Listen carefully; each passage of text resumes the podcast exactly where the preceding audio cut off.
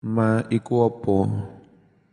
Hiya yomma zakatul janin utawi hukum sembelian janin. Ba'da zabhi ummi sause menyembelih induknya. Nyembelih sapi bunting meteng klekek sah ketika sapi bunting disembelih sah, lalu kan janinnya ikut mati dah. Itu janinnya halal apa enggak? Ikut sembelian induknya apa bangkai? Ikhtalafa wus prasulayan sopo al ulama uporo ulama fil janin mengenai hukum janin. Zubihat yang telah disembelih ummuhu induknya. Wa kharaja dan keluarlah janin itu mayitan dalam keadaan sudah mati. Hal yuk kalu amla Apakah janin seperti itu? Mas, lu gue sing rapat. Apakah janin seperti itu bisa dimakan, amla atau tidak? Zahabawus berpendapat, Sopo Abu Hanifah, Imam Abu Hanifah, berpendapat, ila annahu la yu'kalu bahwa janin tersebut tidak bisa dimakan haram. Illa kecuali an yakhruja hayyan. Apabila janin itu keluar dalam keadaan hidup fayuzbahu lalu janin itu disembelih pula. Barulah halal li'annahu karena janin yang mati maitatun adalah bangkai Waqat kola sedang benar-benar telah berfirman Allahu Allah Ta'ala Apa firmannya Allah? Innama harrama alaikumul maitata Innama sesungguhnya harrama mengharamkan sopo Allah alaikum atas kamu semua al-maitata bangkai. Jadi yang mensahkan induknya, janinnya, janinnya mati tanpa disembelih.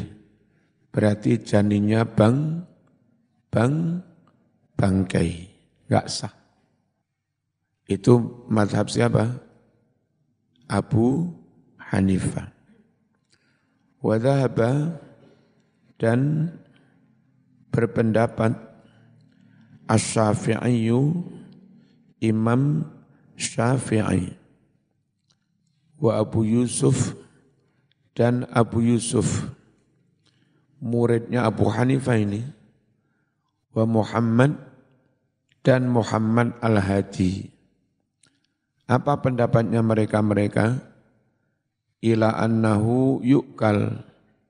Bahwa sesungguhnya janin yang telah disembelih induknya boleh dimakan. Li'annahu karena jan karena janin itu kalaupun mati muzakkan bidakati ummi ikut disembelih dengan menyembelih induknya. Wastadalu dan Syafi'i, Abu Yusuf, Muhammad Al-Hadi, tiga-tiganya berdalil bihadisi dengan hadis zakatul janin zakatu ummi bahwa sembelian janin itu ngikut sembelian induknya. Sembelian janin ngikut katut sembelian induknya. Berarti kalau induknya sudah disembelih, janinnya ikut halal dimakan. Itu mazhab Syafi'i. Abu Yusuf muridnya Imam Abu Hanifah.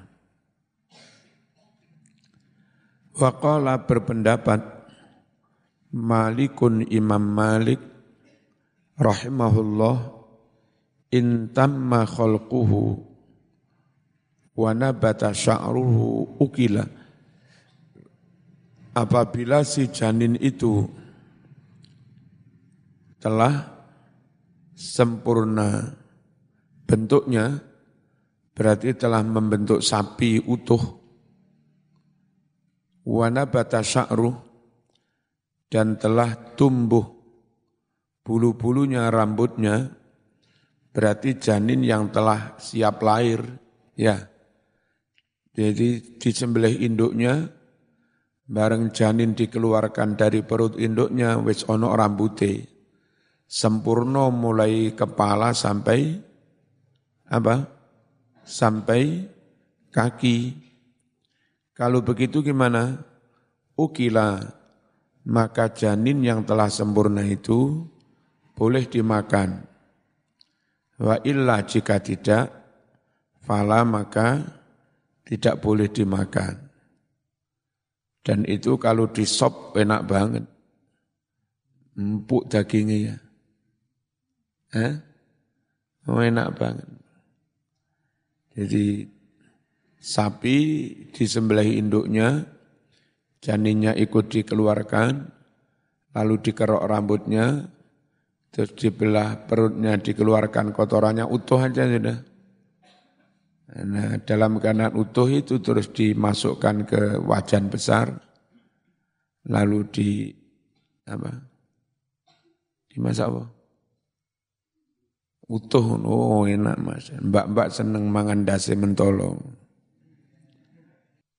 Secara umum madhab syafi'i, Abu Yusuf, Muhammad, Maliki, membolehkan makan janin yang induknya telah disem, disembelih. Dan si janin mati bersama matinya in, induk. Hanya bedanya kalau madhab maliki, kalau si janin itu masih terlalu muda, belum sempurna, biasanya kalau janin bayi ini menungso si ndase gede ya. Si ono buntute ya. Kalau belum membentuk enggak boleh dimakan. Itu madhab ma, maliki. Mazhab syafi'i belum membentuk tambah empuk. Oh, enak. Kalal Qurtubi Imam Qurtubi dawuh Innal janin idza kharaja ba'da dzabhi mayyitan yu'kalu. Bahwa janin apabila keluar setelah disembelih induknya dalam keadaan mati maka janin itu boleh dimakan. Li'annahu jaro majral udwi. Karena janin yang ikut induknya itu seperti organ tubuh, seperti anggota tubuh induknya. Min a'dha'iha dari organ-organ tubuh induknya. Kalau zaman menyembelih sapi, kakinya ikut halal. Menyembelih sapi, ginjalnya ikut halal. Maka menyembelih sapi janinnya juga ikut halal, masih satu kehidupan. Ya. Waqala dawuh sopaman wong yantasiru yang membela sopaman li Abi Hanifah membela pendapatnya Abu Hanifah innal hadis yahtamilu maknan akhar. Hadis zakatul janin zakatu ummi mengandung makna lain. Huwa makna lain itu adalah anna zakatal janin kadzakati ummi bahwa sembelian janin itu seperti sembelian induknya. Jadi kalimat Nabi zakatul janin zakatu ummi itu kayak-kayak penafsirannya sembelian janin itu seperti menyembelih induknya. Kalau nyembelih induknya dengan memotong hulkum dan mari, maka nyembelih janin pun juga dengan memotong hulkum dan mari. Hanya kalau kita menjawabnya itu majas mas. Nah kalimat itu senyampang bisa dimaknai dengan makna hakiki, maka tidak perlu dimaknai secara majas, nggak perlu ditakwil. Sembelian janin ngikut sembelian induknya ya sudah, nggak usah ditafsir-tafsir. Lagian kalau Anda menafsiri bahwa janin wajib disembelih seperti wajib nyembelih induknya. Kau maknai K seperti. Emangnya ada induk disembelih lalu diboleng janinya se urip. Ono engko endi ngene? Nah, biasa induk mati janinnya ya mati. Nah, gitu kalau kami ya yakin sesuai dengan makna hadis itu zakatul janin zakatu ummi ala haddi qaulil qail seperti ucapan seseorang qauli qauluka ucapanku ya ucapanmu maknanya ucapanku seperti ucapanmu nah gitu lah wa madhabi madhabuka madhabku madhabmu. Apa maknanya? Madhabku seperti madhabmu. Ai qawli ka qawlika. Madhabi kamal madhabi kamal habika. Wa ala haddi qawli syair. Dan seperti ucapan seorang penyair Fa'ainaki ainaha wajituki jituha. Siwa anna azmas saqi minki taqiqu. Lek ngelem-ngelem bojone fa'ainaki kedua matamu dik ainaha seperti kedua matanya apa itu mungkin bintang film yang cantik wajituki lehermu dik jituha seperti lehernya si perempuan itu. Ini matamu matanya, lehermu lehernya. Maksudnya apa? Matamu seperti matanya, lehermu seperti lehernya. Siwa anna masaki hanya saja tulang betismu mingki dari engkau dakikun kecil saya menjawab, ucapan aini ainaki ainaha, matamu matanya, itu dimaknai letterlek nggak bisa. Matamu matanya, nggak bisa. Matamu yo ya matamu, matanya yo ya matanya. Kalau ada kalimat seperti ini, maka maknanya itu matamu seperti mata dia. Dimaknai hakiki nggak bisa, maka harus ditafsir, harus ditakwil. Nah sementara hadisnya Nabi tadi, itu bisa dipahami tanpa harus ditakwil.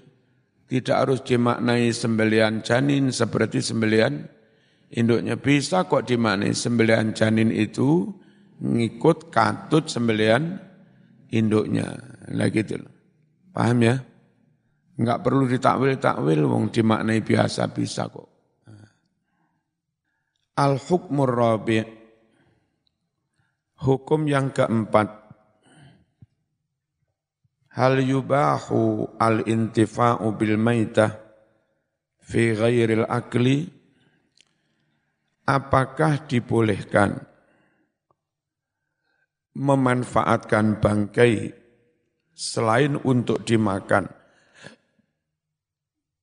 Kalau kita melihat bentuk pemanfaatannya bangkai tidak kamu makan tapi kamu jadikan bahan kosmetik Lalu setelah jadi kosmetik kau oles-oleskan ke tubuhmu. Ya enggak boleh. Karena bangkai itu na, najis. Nanti kosmetiknya jadi najis. Enggak boleh. Pemanfaatan seperti itu enggak boleh. Tapi kalau pemanfaatan tidak untuk manusia, diwehni kucing, kucing itu enggak peduli makan halal haram boleh, wong tikus pun di makan. Ya, masih bisa dimanfaatkan di apa diwenehne kucing. Diketok-ketok diwenehno lele. Diketok-ketok ama, ama, ya, di pendem ning sanding wit pohung. Nanti wulung wulan mana pohungnya lemu-lemu. Subur tanah. Itu masih bu, boleh nurut kita. Nah kalau tidak dimakan lalu dioles-oles kan tidak boleh. Tidak dimakan lalu dijual juga tidak boleh. Zahaba berpendapat Ata'un Imam Ata' ila annahu yajuzul intifa' bahwa boleh memanfaatkan bisahwil maitah gajihnya bangkai. Apa gajih? Lemak. Wajildiha dan kulitnya bangkai. Lemaknya kan minyak, bisa dibuat campuran nanti bisa jadi untuk ngecat perahu. Nah, perahu setelah bikin perahu supaya sambungannya itu enggak bocor, maka dioles-olesi kayak aspal itu. Itu bahan bakunya antara lain apa gajih ini lem lemak. Lah katanya Imam atau lemaknya bangkai boleh nggak apa-apa. Katila usufun katila isufun seperti untuk mengolesi kapal-kapal perahu-perahu. Wa tabghid julud dan seperti di samaknya kulit-kulit. Kulit bangkai timbang dibuang, mending diambil kulitnya lalu kulitnya di sama masih boleh. Nurut madhab syafi'i juga boleh. Wa hujjatuhu hujjahnya Imam Atta adalah annal ayata innama hiya fi akli. Ayat tersebut hanyalah untuk mengharamkan makan saja khasatan secara khusus. Wayadulu menunjukkan alaihi atasnya bahwa yang haram itu makannya ya, bukan mengoleskan. Apa yang menunjukkan qauluhu firman Allah Ta'ala muharraman ala ta'imin yat'amuhu illa ayyakuna maitatan aw damam masfuhan. Diharamkan bagi orang yang memakannya. Yat'amuhu yang memakan bangkai itu berarti kalau enggak dimakan boleh. Wadahaba berpendapat al-jumhuru jumhur berpendapat ila tahrimihi mengharamkan pemanfaatan bangkai. Sekali lagi, nurut kita haram kalau dimanfaatkan digunakan manusia. Sementara yang kita itu dimanfaatkan bina binatang. Dipakani lele. Bekicot haram. Timbang dibuat. Bekicot pecahi jibuk dagingnya pakakne bebek.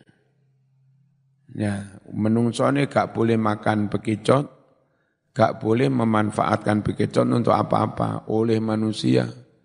Tapi bebeknya bu, boleh, gitu lah. Wastadallu dan jumhur berdalil bil ayatil karimah dengan ayat khurrimat alaikumul maitah. Ay maksudnya hurrimat alaikum al-intifa'u bil maitah.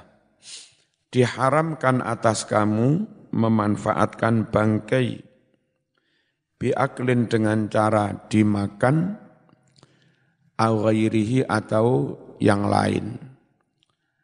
Fa ja'alul fi'lal muqaddar huwal intifa. Jumhur menganggap menjadikan fi'il yang ditakdirkan itu fi'il intifa. Jadi gimana? Hurrima alaikum intifa'ul maitah. Jadi fiilnya intifa yang itu. Wastadallu dan berdalil si ulama ulama jumhur kadzalika demikian pula berdalil biqaulihi dengan sabda baginda Nabi Muhammad sallallahu alaihi wasallam. La'anallahu yahud Allah melaknati orang-orang Yahudi. Hurrimat alaihim asyuhum. Diharamkan atas orang-orang Yahudi. Asyuhumu lemak. Nakal orang Yahudi itu daging bangkai haram, lemak, lemak juga haram. Eh, fajamaluha, lalu orang Yahudi itu menghancurkan lemak-lemak itu, faba'uha, lalu mereka jual tepungnya lemak.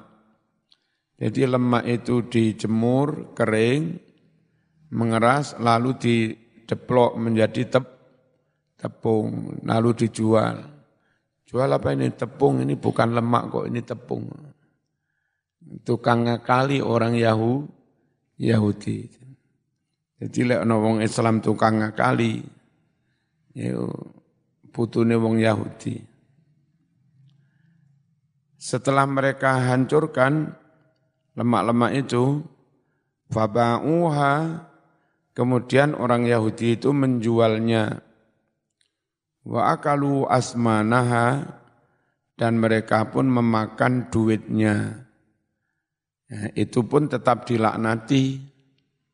Berarti yang diharamkan bukan hanya memakan, mengambil manfaatnya dengan cara itu juga dengan cara menjual bangkai juga ha, haram. Lagi-lagi kalau Kiai Jawa bukan menjual bangkai kok, Bangkai itu dicaca, dipakai lele. Dan itu boleh. Karena lele tidak diwajibkan makan barang halal. Ya. Ya dah. Engkau lele ini lemu-lemu didol. Dipangan. Timbang mubal, mubalir. Toh kamu pendem neng lemah ya tetap memanfaatkan. Zaman enggak makan nih bangkai neng lele, bangkai mau pendem neng lemah. Tanduran neng pendeman bangkai ku malih lem, lemu-lemu. Mari ngono mau pangan pugunge ya padha ae. Karo mangan lele mong. Ya. Bismillahirrahmanirrahim. Fahadal hadisu hadis yang melaknati Yahudi itu loh Hadis ini menunjukkan ala annallaha idza harrama syai'an harrama samanahu bahwasanya Allah apabila mengharamkan sesuatu maka Allah haramkan pula duitnya. Fala yajuzul bai'u walal intifa. Maka tidak boleh menjual bangkai dan tidak boleh pula mengambil manfaat bisain dengan sesuatu apa pun minal maitati dari bangkai itu. Ilama warada bihin nasu. Kecuali apa-apa warada yang telah sampai bi dengan menerangkan ma an-nasun nas Nas ya termasuk itu tadi, bahwa kucing, binatang, macam-macam, itu dari zaman Nabi tidak dilarang makan bang, bangkai. Dan malah pekerjaannya ya makan bangkai. Wong kucing makan tikus enggak disembelih. Kucing makan opo-opo ya enggak disembelih ya. ya begitu. Lelek ngono timbang bangkai dibuang pakakno ku kucing boleh. Al-hukmul khamis, hukum yang kelima, ma huwa hukmud dam alladhi yabqa fil uruq wal lahm. Apakah hukum darah yang masih tetap tersisa di dalam otot-otot, urat-urat, dan daging. Ketika kita makan ayam, Kadang ono otot kecil gitu di dalamnya ada darah. Apa hukumnya? Boleh. Nggak apa-apa. Makan daging, e, nyembelihnya sudah sah, pas makan daging ada darah tersisa. Nggak apa-apa, sah, boleh. Kecuali kalau memang nyembelihnya nggak beres. E, itu begini, yang diharamkan dalam Quran itu audamam masfuha. Darah yang mengucur deras, sembelih pior, pior. Lalu ngumpul sabaskom jadi di didih itu haram. Damam masfuha. Darah yang mengalir der, deras. Nah karena yang diharamkan itu darah yang keluar saat disembelih, maka ketika makan ada darah tersisa, tidak termasuk yang masfuhan. Berarti tidak termasuk yang diharamkan. Siti Aisyah dawuh, ada sahabat nanya, terus bagaimana itu kalau kita makan daging, seonok darah yang otot-otot? Nah, apa kata Aisyah? Laulam yaqulillahu audama masfuha latatabba'an nasu ma fil uruq. Untung Allah itu dawuh yang haram itu darah yang pas disembelih keluar biur. Masfuh. Andai Allah enggak dawuh seperti itu, maka manusia kita itu dibikin repot dengan darah-darah yang tersisa di otot-otot itu. Mau makan, milih-milih haram Nah untungnya Allah itu dawuh tegas yang haram itu mana? Damam masfuha. Darah yang mengalir saat disem sembelih. Mengucur deras. Ittafaqal ulama ala anna dama haramun najisun. Ulama bersepakat bahwa darah itu ya haram ya najis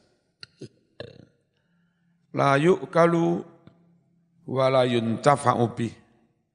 Darah tidak boleh dimakan dan tidak boleh dimanfaatkan. Tidak boleh diambil manfaatnya. Wa qad dzakara ta'ala ad-damhuna mutlaqan. Allah di dalam ayat ini menyebut darah, tapi menyebutnya secara global mutlak. Cuma di ayat An'am disebut dengan rinci. Yang haram itu mana? damam mas mas fuhan. Wa qayyadahu dan Allah membatasi darah haram itu fil an'am di dalam surat Al-An'am biqaulihi dibatasi dengan firman-Nya audamam audamam masfuha. Berarti darah yang tidak masfuh darah yang tidak ikut mengalir saat disembelih tertinggal di dalam tulang daging bu bu boleh enggak haram. Wahamala al ulama al mutlak alal muqayyad. Sedangkan ulama membawa memahami kalimat yang mutlak yang global harus disesuaikan dengan kalimat yang muqayyad apa? Kalau ada dua kata beda dalam Quran, di satu ayat disebut global, di ayat lain disebut secara rin, rinci, maka yang global itu dipahami sesuai dengan yang rin, rinci. Hamalal ulama al-mutlaq alal muqayyad. Itu walam yuharrimu dan ulama tidak mengharamkan illa makana masfuhan kecuali darah yang dialirkan dikucurkan deras. Artinya keluar saat disem sembelih. Wawarada dan telah sampai dawuh dari Aisyah radhiyallahu anha annaha qalat bahwa sesungguhnya Aisyah dawuh laula annallaha qala au jamam masfuha andai Allah tidak dawuh damam masfuha darah yang dikucurkan deras saat disembelih Andai Allah enggak dawuh gitu ya, latatapa'a tentu harus meneliti anasu manusia ma darah-darah fil uruk yang ada di otot-otot itu. Untungnya Allah itu berfirman damam masfuha. Andai Allah enggak berfirman seperti itu, manusia itu jadi repot harus meneliti darah yang tersisa di otot-otot dan itu menyulitkan manu manusia. Fama khalatal lahma ghairu muharramin. Darah yang masih bercampur dengan daging tidaklah diharamkan. Biijma'in dengan sepakatnya para ulama. Wa kadzalikal kabid wattihal Demikian pula hati maupun limpa. Meskipun kalau di blender itu menjadi da, darah, enggak haram. Mujma'un telah diijma'i, disepakati, ala adami hurmatihi. Disepakati tidak haramnya limpa maupun hati. Wa ingkana fil asli daman Meskipun hati limpa pada dasarnya berupa apa? Darah. Qalal Qurtubi wa ammad jamu famuharramun. Adapun hukum darah maka diharamkan. Malam ta'umma bihil balwa. Selagi tidak jadi umum merata bi dengan banyak darah itu al balwa. Maksudnya taumul balwa itu begini darah itu ada di mana-mana itu namanya umumul balwa termasuk di otot-otot tertinggal di daging. Itu namanya umumul balwa sulit dihin dihindari. Darah itu haram selagi tidak apa kececer di mana-mana. Umumul balwa. Walladzi ta'ummu bil balwa dan darah yang umumul balwa kececer ke mana-mana akhirnya menyulitkan jadi tidak haram huwa ad-damu fil lahmi wal uruq yaitu darah yang ada di daging maupun di otot-otot.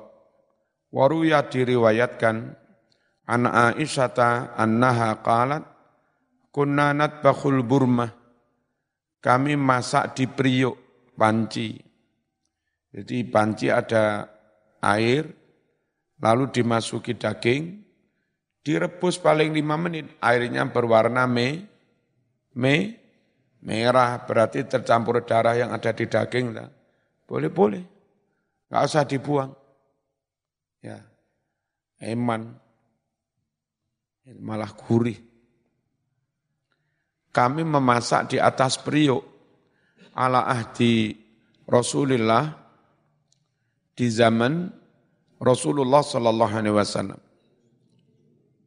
Taklu naik hadi periuk itu asufrot warna kuning jadi kalau direbus, nanti ada buih. Nah buihnya itu ada agak kotor, kadang agak warna kuning, merah bercampur da, darah. Apa itu dibuang zaman Rasulullah? Gara-gara ada begitu. Minat dami karena darah. Panakul kami tetap memakannya. Walanungkiru dan kami tidak menentang hal itu itu penuturan Aisyah di zaman Rasul Rasul Rasulullah sallallahu alaihi wasallam.